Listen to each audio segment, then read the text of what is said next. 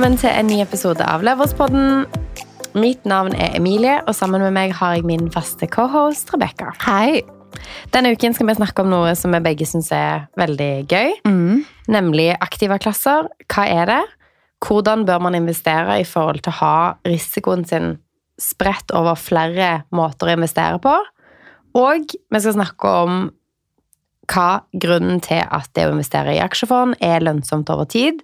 Både renters renteeffekt, men òg eh, se litt på historisk avkastning og hvorfor det kan være lurt for deg som enten investerer, ønsker å begynne å investere, og spre risikoen i forskjellige typer investeringer. Yes. Og for de som ikke vet, eller for de som vet, så hadde vi en episode forrige uke hvor vi snakket om veldig basic aksjefond, og hva de ulike terminologiene betyr, hva forskjellen er, og hva man egentlig burde gjøre. Så hvis du er litt ny i gamet, så anbefaler jeg kanskje å høre på denne episoden først, for da tror jeg dette vil gi mye mer mening. Mm. For deg som allerede kan en del om dette, så trenger du nødvendigvis ikke det. Vi håper jo selvfølgelig at du hørte på den eh, episoden uansett. Mm. Eh, Men det bygger litt på hverandre. Absolutt. Og dette er jo et av de temaene som jeg kanskje får mest spørsmål om. Yes. Og hele området investering, sparing, fond Det er noe som gjør at folk har mye spørsmål. Det er mye usikkerhet, det er mye opplevd risiko. Og derfor tenker jeg at det er veldig relevant å snakke om, å snakke om aktive klasser. Fordi hvis man skal starte med definisjonen av en aktiv klasse, så henviser det til plasseringer som gir ulik avkastning eh, og risiko, som f.eks. For forskjellen mellom eh, å investere i aksjer eller f.eks. eiendom. I dag skal vi snakke hovedsakelig om eh, de to som aktive klasser. Eh, og for de som opplever at det er veldig risikofylt å investere i eh, aksjer, så kan det jo være et godt poeng å prøve å diversifisere. Og diversifisere er jo et ord som man bruker i denne sammenhengen om å rett og slett fordele investeringene sine på tvers av forskjellige eh, kan man si forskjellige typer investeringer, da. Sånn Ja, at, at du ikke bare putter alle, alle pengene i en kurv, rett og slett. Absolutt. Sånn at istedenfor å si at man eh, har absolutt alt man har av egenkapital inn i f.eks. primærboligen sin, så kan man si at ok, um, istedenfor å, å ønske å ha null lån da, eh, på et hus som har en ganske høy eh, eiendomsverdi, så kan man si at ok, jeg ønsker å ta ut noe av gevinsten min, som jeg har hatt over tid, og sette det i f.eks. Um, indeksfond, det kan være i en startup, det kan være i eh, sekundær eh, leieinntekter, sin egen bedrift, altså endeløse muligheter, men at du i hvert fall tar det ut av akkurat den klassen som det er i da. Fordi at på, på den måten der så vil du få mindre risiko, fordi at du er i forskjellige bransjer. Så hvis en av de krasjer, så har du alltid muligheten for at du kan tjene penger i en annen klasse. Absolutt. Sånn at um, en, av de første klasse, eller en av de første spørsmålene som er relevant her, tenker jeg er um, hva en aktiv klasse? Det har vi allerede snakket om. Kartlagt, yes. Eh, og så kan vi snakke om hvilke aktive klasser er det vi på en måte investerer i. Vi har snakket Yes. mye om eiendom. Vi har det, og vi har også vært inne på flere, eller forskjellige ting sånn delvis i ulike episoder. Absolutt. Um, men um, ok, du sier eiendom er én ting. Mm, Det er en aktiv klasse. absolutt. Sånn at eiendom kan jo også ta forskjellige former. Sånn at jeg kjenner flere som driver med det vi gjør. At man kjøper en leilighet, man bor igjen i et år, pusser den opp og selger den igjen. Med økt verdi. Det som vi uh, har snakket om, er flipping. Det er jo flipping. Um, og så er det mange som gjør flipping på en annen måte enn oss. De går inn og ut av en leilighet som de ikke bor i, i på en raskere tidsperiode. Så de kan gjerne gå inn i en leilighet, uh, kjøpe den. Eksempel sånn som Mats pusser opp, da. Han gjør det. Eh, kjøpe en leilighet, og på en helt sånn astronomisk kort tid, sånn to-tre måneder, så selger han igjen. Og så får han gevinsten derfra. Men han bytter ikke sin, eh, sitt bosted og har ikke den skattefordelen. For Fordelen her er jo at eh, når man flipper, så bor man ofte i oppussingsobjektet, eller det i ditt tilfelle, og har det i minst et år for å få solgt skattefritt. Men, mens når man flipper slik som han gjør, så må du også skatte av det. Så det er jo eh, også en høyere kostnad i forbindelse med salg av, av måten han eh, investerer i eiendom på. Det stemmer. Men i, uavhengig av hvor du, hvordan du investerer, om du velger å gjøre sånn som vi har gjort til nå, eller sånn som Mats gjør, eller sånn som veldig mange andre gjør, f.eks. det å kjøpe leiligheter eller hus i områder hvor det er billigere å kjøpe eiendom, og hvor leiemarkedet er godt, sånn at noen som betaler leie, betjener ditt lån. Det er jo alle ulike måter hvor eiendom hvor man kan tjene penger på eiendom. Så alle de går på en måte under kategorien eiendom. Så har du eh, sparing i fond, som vi har snakket om tidligere. Og så har man f.eks. enkeltaksjer, som vi også snakket om i forrige episode. Hvor hvis du i et hypotetisk scenario da har kanskje en million kroner som man skal investere i forskjellige ting, mm. så kan du jo enten velge å sette den hele millionen som egenkapital i boligen du bor i. Da har du jo absolutt alt du eier, ett sted. Mm. Da har du jo ganske høy risiko, da, hvis man skulle sette et scenario hvor boligmarkedet i Oslo tenker skikkelig. Men tenk litt sånn som situasjonen vi er i nå. Ja, nå er det jo litt sånn usikkerhet i markedet, og de som på en måte skal selge bolig akkurat nå, har gjerne et scenario hvor de kommer til å liksom måtte ta mindre for den leiligheten enn det de gjerne ville gjort bare for seks-syv måneder siden. Mm. Sånn at eh, hvis du da ser på et sånt scenario og tenker ok, jeg har kjøpt og solgt litt leiligheter i løpet av så og så mange år, jeg har, jeg har bygd meg opp en verdi på 500 000 i leiligheten min eller kanskje enda mer enn det òg, hvis man er heldig. Eh, så kan man jo si at ok, jeg vil ikke ha all risikoen ett sted. Jeg ønsker å ta ut noe av den gevinsten som jeg har tjent over tid, og sette de pengene i noe annet. Sånn at mm. hvis boligmarkedet veldig lokalt i Oslo eller i Stavanger eller i Bergen eller i Trondheim, der du bor, plutselig skulle gå skikkelig dårlig, så har du penger et annet sted. Og det er jo liksom deler av hvorfor på en måte Eh, det kan være lurt, da. Jeg eh, har snakket mye med dette, eller om dette med mine foreldre, blant annet. Og mor sier alltid at um, hun har eh, aksjer i det selskapet som hun jobber i. Mm. Um, og så har hun en utleieleilighet, um, og så leier hun ut deler av sitt eget hus. og så hun har jo eh, ekstra inntekter i form av utleie, og så har hun mye egenkapital som deler av hennes Så hun har jo fordelt litt? Hun har fordelt, men alt er jo innenfor eiendom, og så er de plasseringene som man har i aksjemarkedet, det er jo knytta til der man jobber. Mm. Så hvis man skulle tatt henne som et eksempel, da, mm. så kan man jo si at eh, Se at det skulle gå skikkelig hedundras med den jobben som du har, og du har liksom hele formen din som du har investert i eh, arbeidsgiveren din, så kan jo det være en risiko. Så hvis du hadde gått til noen som jobber med formuesforvaltning, f.eks., for så er det noe de gjerne kunne ha gitt deg på en måte råd om, eller liksom vært litt sånn ok, dette her er gjerne noe å være obs på eller å tenke på. Ja, fordi ja, hvis hun da mistet jobben og det gikk dårlig med businessen, så taper vi på en måte alle formene for sikkerhet, da. Mm. Eh, og i hennes tilfelle så burde, burde man jo kanskje også, istedenfor å ha hatt alle pengene sine i ett et selskap eh, Litt tilbake til det vi snakket om forrige uke i forhold til det med, med fond. Mm. At det også kunne kanskje vært lurt å hatt eh, penger i et fond, eventuelt spredd, spredd i flere selskap, da. Mm. Sånn at eh, hvis du jobber i et svært selskap, hvis du jobber i DNB, liksom, eller du jobber mm. i eh, ja, et eller annet stort selskap da, som er, oppleves som veldig trygt, så har du jo på en måte hele tiden eh, ja, det er ganske sånn trygg arbeidsgiver. Men si at du hadde alle pengene dine i en startup som du i tillegg var ansatt i, og kanskje eier i, så har du jo veldig lite fordelt risiko. Mm. Sånn at eh, hvis det skulle gå skeis med den jobben da som du eh, har lagd, så har du jo på en måte ingen bein å stå på, da. Og derfor blir det jo veldig viktig å liksom diversifisere de pengene som man da eventuelt har, eller de midlene som man har. Absolutt. Ok, så vi har snakket om um, Så vi har snakket om investering i eiendom og spre litt risiko. Mm. Um, andre aktiva klasser som vi bør tappe inn på? Altså, eh, man kan jo si at eh, eiendom, aksjer, fond Definitivt. Det å investere i oppstartsselskaper er jo en egen en. Eh, og det å på en måte kunne, enten om det er din egen eller andre, at man eh, investerer i selskaper som ikke er offentlig lista selskaper, det er jo definitivt en spennende en. Mm -hmm.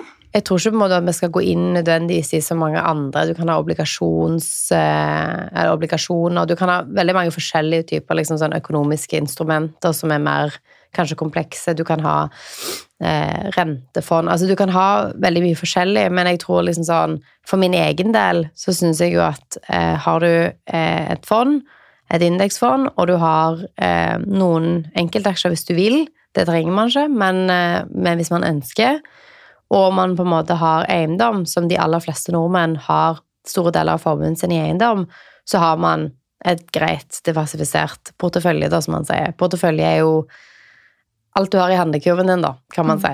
Altså alt du måte Formuen din består av x, y, z. Og det er det som er eh, i handlekurven din til slutt, skulle jeg si. Ok, Emilie, du er jo eh, eh, veldig opptatt av det her. Eh, Hvordan har du spredd din risiko, eller eh, ja, fordelt eh, dine investeringer i ulike aktive klasser? Vi vet jo flipping. Absolutt. Altså, jeg tror at jeg, for, jeg har en for høy overvekt i eiendom, sånn som jeg har, eh, har det i dag. Og det er fordi at jeg har eh, tidligere hatt en leilighet som jeg bor i, som jeg har eh, egenkapitalen min i. Og så har jeg tatt pant i den økte verdien på leiligheten jeg bor i, for å låne opp for å kjøpe Mm. En sekundær leilighet, og enten ha leieinntekter eller å flippe leiligheten. Ja. Så da er jo egentlig alt jeg har i den settingen, i eiendom. Så både liksom en sekundærinntekt med flipping og den oppussingen jeg har gjort i min primærbolig. Men hver gang vi har kjøpt og solgt noe, så har vi tatt ut ca. 50 av det vi har tjent, og satt det inn i forskjellige fond. Sånn at i dag så vil jeg si at eh, jeg har nok en overvekt mot eiendom, men jeg har Fordelt risiko likevel. fordelt risiko, så jeg har eh, sikkert 40 i hvert fall i eh, indeksfond. Mm. Og så har jeg litt i aktiv forvalterfond, det er jo samme klasse, og så har jeg bitte litt i um, enkeltaksjer. Så jeg Ja. føler at jeg har hele tiden prøvd i hvert fall å ta ut deler av gevinsten, sånn at jeg unngår at jeg har liksom absolutt alt i eiendom. Ja, det har jo du vært veldig bevisst på når vi har snakket om det tidligere, at av alt overskuddet når du har solgt leiligheter, så har du valgt konsekvent å ta en del og investere i fond. Hvor jeg tror veldig mange som driver med eiendom, ville naturligvis brukt de videre for å kjøpe noe mer eller større. Men der har du vært litt Jeg vil jo kalle det smart. Um, Men det er jo altså, begge sider av saken. Jeg hørte på en podkast i går hvor um, Det snakker man mye om, i hvert fall i den amerikanske podkaster om fire og om eiendom. Så snakker man mye om dette med snøballeffekt. At jo mer egenkapital du har, at én million kan låne deg så og så mange millioner. At hver gang jeg tar ut penger, så eh, minker jo min evne til å låne. Vi har jo boligforskrifter i Norge som gjør at mm, jeg kan låne fem ganger inntekt, og jo mer egenkapital jeg da kommer med til banken, jo mer kan jeg låne. Sånn at det er jo klart at liksom eh, over en periode på 10-15 år så bygger du jo egenkapital i form av at du har penger i fond, og eh, fondsmarkedet og markedet generelt har gått veldig bra de siste 100 årene, liksom, som Ja. gjennomsnitt. Men de folkene som har blitt skikkelig eh, har bygd skikkelig formue i Norge, har jo ofte bygd det på andre. Altså at de har jobbet i eiendom, mm. og så har de reinvestert alle midlene for å kunne låne opp mer penger, og så er de 100% gira i eiendomsporteføljen sin og låne opp så mye de kan. Sånn at det kan jo være at eh, jeg på en måte, når jeg har kommet meg til det jeg liksom føler er sånn kritisk masse, at jeg har nok i en av de, om det er indeksfond eller om det er noe annet, at jeg da heller liksom fokuserer på å ta mer av den gevinsten fra eiendom inn i um, Og på en måte kunne låne mer, da, Mm. for å kunne gjøre det raskere. Spesielt når man begynner å komme inn i et marked hvor det er høyere eh, inflasjon, det er høyere rentekostnader. Da vil det jo være enda mer aktuelt å eh, kunne ha mer egenkapital, sånn at du har lavere lånekostnader. Absolutt. Og så er det jo litt morsomt det du sier, fordi du har jo bygd inn eh, altså dine, din kapital og investeringer i hovedsak via eiendom i første omgang. Og så ved hjelp av litt, eh, litt egenkapital i starten der. Men det var liksom din vei inn i egentlig situasjonen du sitter i nå, da, med selskaper og med jobb og med muligheter. Så det var, var eiendom som måtte løfte deg, din første bolig og inntekten på det. Eh, I forhold til min tilfelle, hvor jeg brukte alle mine midler på å starte selskaper for å Mm. skape en jobb. Og per nå så er jo kanskje min risiko mer fordelt at alt jeg, det meste verdien jeg sitter på, er i selskapene, hvor fram til nå eh, har jeg eid alt, alle aksjene i selskapene selv. Og at jeg ikke har fått kjøpt bolig før i år. Så det vil si at Mm. liksom all, alle mine penger og alle mine investeringer sitter i et selskap som plutselig nå har fått verdi, fordi vi er flere ansatte, du har kommet inn. Eh, Så min risiko har jo vært fordelt veldig ulikt i forhold til deg. Og så har Mm. jo jeg nå måttet sakte, men sikkert bygge meg opp i eiendom litt. Og gått inn i fond. Um, ikke noen enkeltaksjer ennå. Eller jo, det har jeg faktisk. Du har dine Eh, egne. Hæ? Du har dine egne enkeltaksjer. Jo, nei, jeg har også på Nordnett, eh, Ja. men veldig få eh, og lite. Eh, men det er ganske interessant, og det, det betyr jo at liksom, for de som hører på denne podkasten, eh, så kan man komme fra veldig to ulike situasjoner. Alle pengene som jeg startet med for å kunne liksom, opprette et AS, var 30 000 i egenkapital, og så kom det derfra. Så man, Og det er jo mye, det òg. Altså, jo, det er, liksom sånn 30 000 er mye. Det er mye penger, men når vi, for vi snakket om det fordi vi har jo regnskapsfører, som, som dere som hører på, har jo hørt eh, Sondre. Mm. Og i relasjon til at vi nå eh, både endrer selskapsstruktur og skaper et holdingselskap som da eier, eller man kan kalle det et morselskap, som Mm. eier våre AS-er eh, inni det selskapet, så har Rebekka fått en, eller vi har fått en liksom, eh, verdivurdering utenfor av noen som er helt utenfor selskapet, på selskapet. Mm. Og når vi satt i går og holdt på med noen greier, så liksom så vi over den avtalen.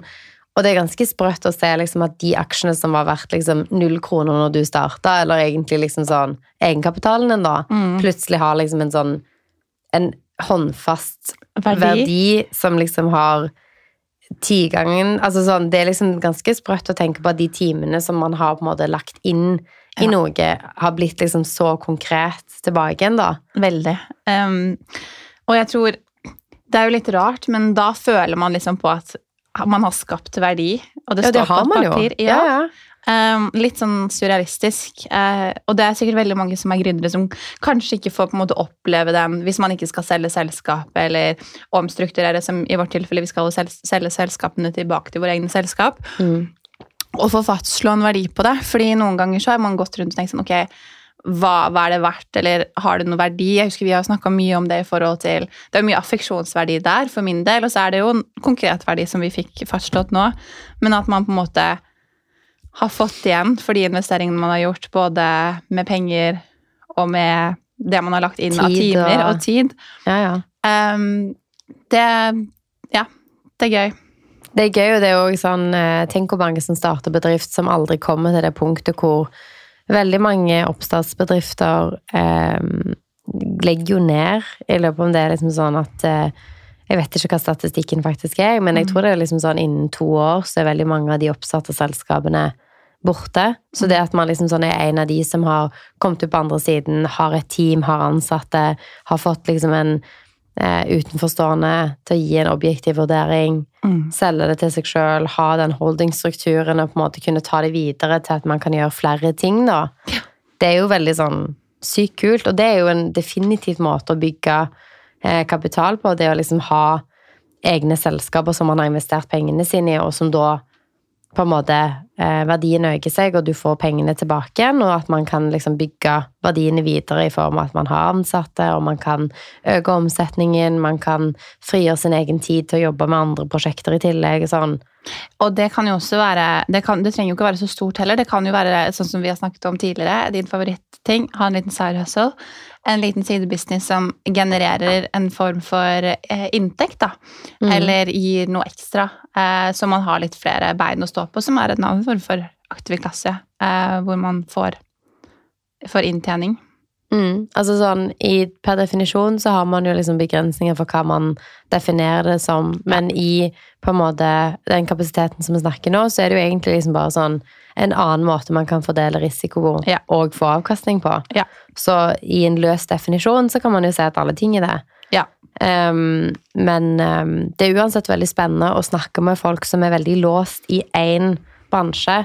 Den podkasten som jeg hørte på i går, syntes jeg var kjempekul, fordi at det var snakk om en veldig ung fyr som hadde på veldig liten tid bygd seg opp veldig mye egenkapital i eiendom. Og han sa spesifikt at han eh, ikke ønsker å ta ut penger, fordi at, i hvert fall ikke for å dekke forbruk, fordi at han kunne jo med de pengene han eventuelt kunne ta ut, kjøpe enda mer. Så han var jo veldig sånn vekstmindset, sånn alt skulle tilbake igjen. Og det er jo en veldig bra måte å tenke på, Mm. fordi at du, bygger formuen din mye raskere.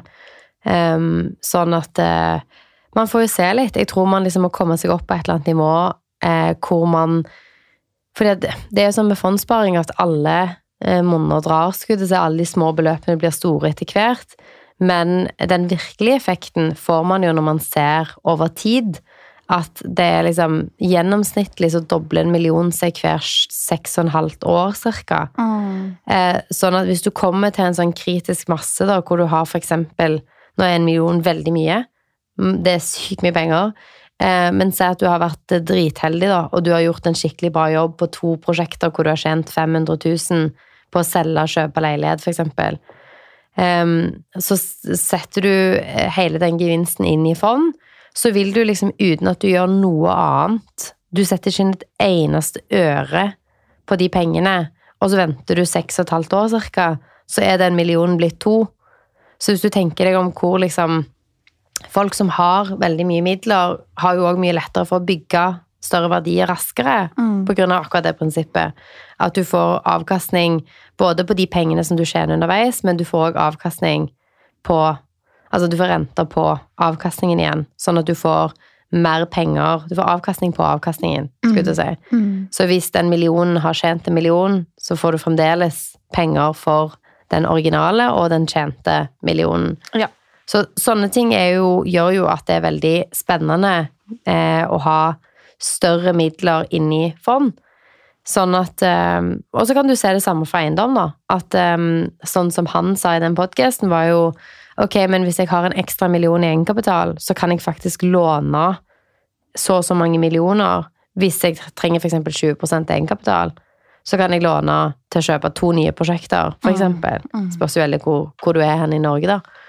Eh, Og hva mm, egenkapitalskrav det er der du bor. Selvfølgelig. Men det er jo en annen måte å si det på. at sånn, Akkurat hans strategi var jo å kjøpe leiligheter som han pussa litt opp og gjorde om til kollektiver og fikk leieinntekter. Så i hans eksempel så tror jeg han sa at den ene millionen kunne gjøre at han kunne kjøpe noe som genererte så og så mye i året. Så det er jo andre måter å tenke på, og jeg tror det beste svaret er nok å tenke alle samtidig. At du kan på en måte prøve å komme deg til en eller annen form for kritisk masse, sånn at de pengene jobber litt for seg sjøl. Mm. Alle som snakker om FIRE, snakker om å komme seg opp til et punkt hvor de pengene du har plassert i fond, jobber for deg sjøl. Altså at, um, at på et eller annet tidspunkt, hvis du enten velger å slutte å komme inn med nye innskudd på sparingen din, så jobber den Altså avkastningen på avkastningen din gir deg såpass mye at du ikke nødvendigvis trenger nye innskudd. Ja. Og da kan jo du skifte sparefokuset til f.eks. eiendom, og gjøre det mer aggressivt. Absolutt. Nå har vi diskutert en del eh, aktive klasser. Vi har Mhm. diskutert hva du har eh, dine, i dine aktive klasser, og jeg har sagt hva jeg har gjort med mine, eller hvordan jeg har fordelt mitt. Vi er veldig interessert i å høre hva dere har, dere har gjort, eller velger å gjøre. Om noen blir inspirert til å kanskje se på sitt eget eh, ja, sitt eget eh, investeringsunivers Univers. og dele med oss. Um, hvis vi skal oppsummere kort, da, så Ja. er det flere former. Eh, det vi har snakket om i dag, har vært eiendom. Mm. Det har vært fond. Det har har vært enkeltaksjer, både eh, i eget selskap og, og i andre selskap. Noe mer som jeg glemmer? Nei, jeg tror det er ganske bra dekka. Jeg tror det viktigste for denne episoden her er jo å tenke at, um, at man bør diversifisere, fordi at Ja. man eh, reduserer risiko eh, over tid. At hvis du har alle pengene dine i eiendom, og et eller annet skulle skje med eiendomsmarkedet der du bor Si eksempel det som skjedde i 2008, da. Hvor liksom sånn hele boligmarkedet i USA bare krasja. Eh, hvis du har 100% av formuen din i eiendom da, så er det jo Da er du helt kjørt. Hvis du på en måte Ok, 2008 er et dårlig eksempel, fordi da gikk jo alt av fond og aksjer òg ganske dårlig. Mm. Eh, men på en måte tommelfingerregelen er jo å mitigere så mye risiko, at å redusere risikoen så mye man kan. Eh, fordi at da har man eh, litt mer å gå på, da. Da er du ikke 100% som jeg kaller gira. Du er ikke belånt 100% eller har alle pengene dine ett sted. Du har liksom fordelt over forskjellige ting. Om det er din egen bedrift, om det er å investere i ting som ikke er børsnotert, om det er aksjer, om det er fond, om det er utleie, om det er eiendom i en annen type form, om det er sekundærboliger, om det er hytteutleieinntekter, altså sånn Det kan være veldig mye ting, da, men det er lurt å i hvert fall fordele. Mm. Så hvis du eksempel er, er sånn som meg, som eh, kjøper og selger leiligheter sammen med en partner, så deler man jo alltid eh, profitten. Kanskje det kan være lurt som et par å da fordele gevinsten i forskjellige ting. At kanskje man sier at ok, halvparten av de pengene vi har tjent nå, de går videre til neste prosjekt. Og så tar man ut halvparten, og så fordeler vi det i fond. Og så mm. har man liksom fordelt gevinsten og risikoen for neste prosjekt. Sånn at man fremdeles har mer egenkapital enn det man hadde, og kan gjøre mer, låne mer. Men fordeler da inn i andre, andre former. Absolutt. Jeg tror det er veldig gode tips. Um, ja. Mm. Det var det vi hadde for i dag. Det var det. Vi gleder oss til å snakke mer om disse temaene. Veldig. Uh, og vi syns det er supergøy med alle spørsmålene vi får spesielt rundt dette. Nå tror jeg disse to episodene Eh, dekker ganske mye og bør gi ganske god innsikt og forståelse for ja, fond, aktive klasser, aksjer mm. og eiendom. Men er det noe vi ikke har svart på, så bare spør. Absolutt. Ok. Vi snakkes. Vi snakkes. Ha det. Ha det.